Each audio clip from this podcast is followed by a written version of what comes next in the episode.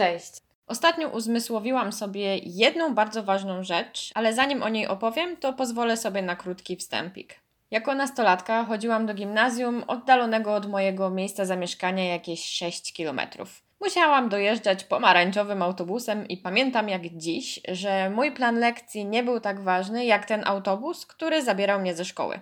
Mieszkałam na wsi, nie miałam nowych ciuchów, nie dostawałam kieszonkowego zbyt często i nie jeździłam z rodzicami na wakacje. Chodziłam do klasy z innymi dzieciakami z mniejszych miejscowości. I to była klasa A. Do klasy B chodziły osoby z miejscowości gminnej, tak jakby większej wioski, której wszystko było blisko. Była ona dosyć scentralizowana i mieli oni bardzo blisko do domu. Swoją drogą dosyć zabawne jest to, jak ładnie nas wtedy wysegregowali na tych z wiochy i na tych z większej wiochy. Pamiętam jak dziś, że klasa B była tą lepszą. Lepiej ubraną, mądrzejszą, lepiej wychowaną. Tak jakby byli o klasę społeczną wyżej od nas. Myślę, że nie tylko ja, ale też inne osoby z mojej klasy wtedy czuły się troszeczkę gorsze. No ciężko było się nie porównywać, mając te 13-14 lat. Zawsze chciałam mieć taką sytuację jak tamte dzieciaki. Zazdrościłam im pokrojomu tego, co mieli i jakimi byli otoczeni ludźmi. Byłam pewna, że tak już będzie że ten podział się nie zmieni i że każde z nas ma określoną drogę w przyszłości. Dziś z perspektywy czasu wiem, że tak nie jest. Powiedziałabym młodszej sobie, że jeszcze wszystko przed tobą i nic nie jest określone na 100%. Okazuje się, że nie wszyscy, którzy mieli lepszy start, dobrze go wykorzystali. Okazuje się, że ci, którzy nie mieli łatwo, walczyli, aby zdobyć w życiu coś więcej. Nie jest to regułą, ale taką zależność można w niektórych przypadkach zauważyć.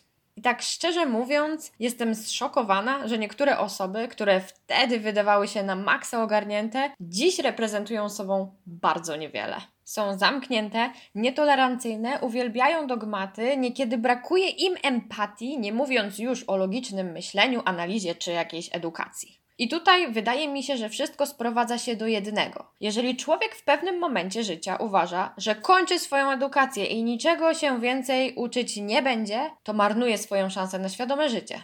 Uczyć się to nie znaczy tylko otworzyć książkę i zakuwać słówka, to znaczy obserwować, analizować i dyskutować. To znaczy czytać wiele źródeł i poddawać pod wątpliwość, popełniać błędy i wyciągać wnioski.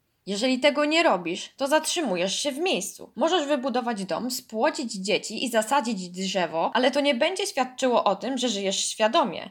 I naprawdę, nieważne, czy jako dziecko nosiliście jedną parę spodni przez 5 lat, czy mieliście ich 100. W dorosłym życiu to od Was zależy, w którą stronę pójdziecie. I muszę Wam powiedzieć, że w pewnym momencie osłupiałam, kiedy przeczytałam opinię jednej z tych osób, która twierdziła, uwaga, że mowa nienawiści to wymysł, że jest to wyolbrzymione i że ta osoba w zasadzie w to nie wierzy.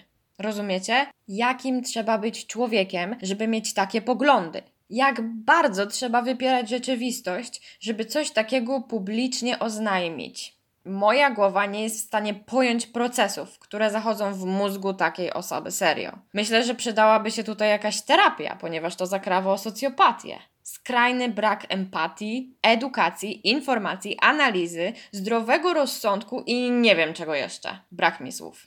Opinia tej osoby pojawiła się w social mediach, więc zobaczyłam też przy okazji, które osoby ją polubiły i usłyszałam z tyłu głowy dźwięk tłuczonego szkła.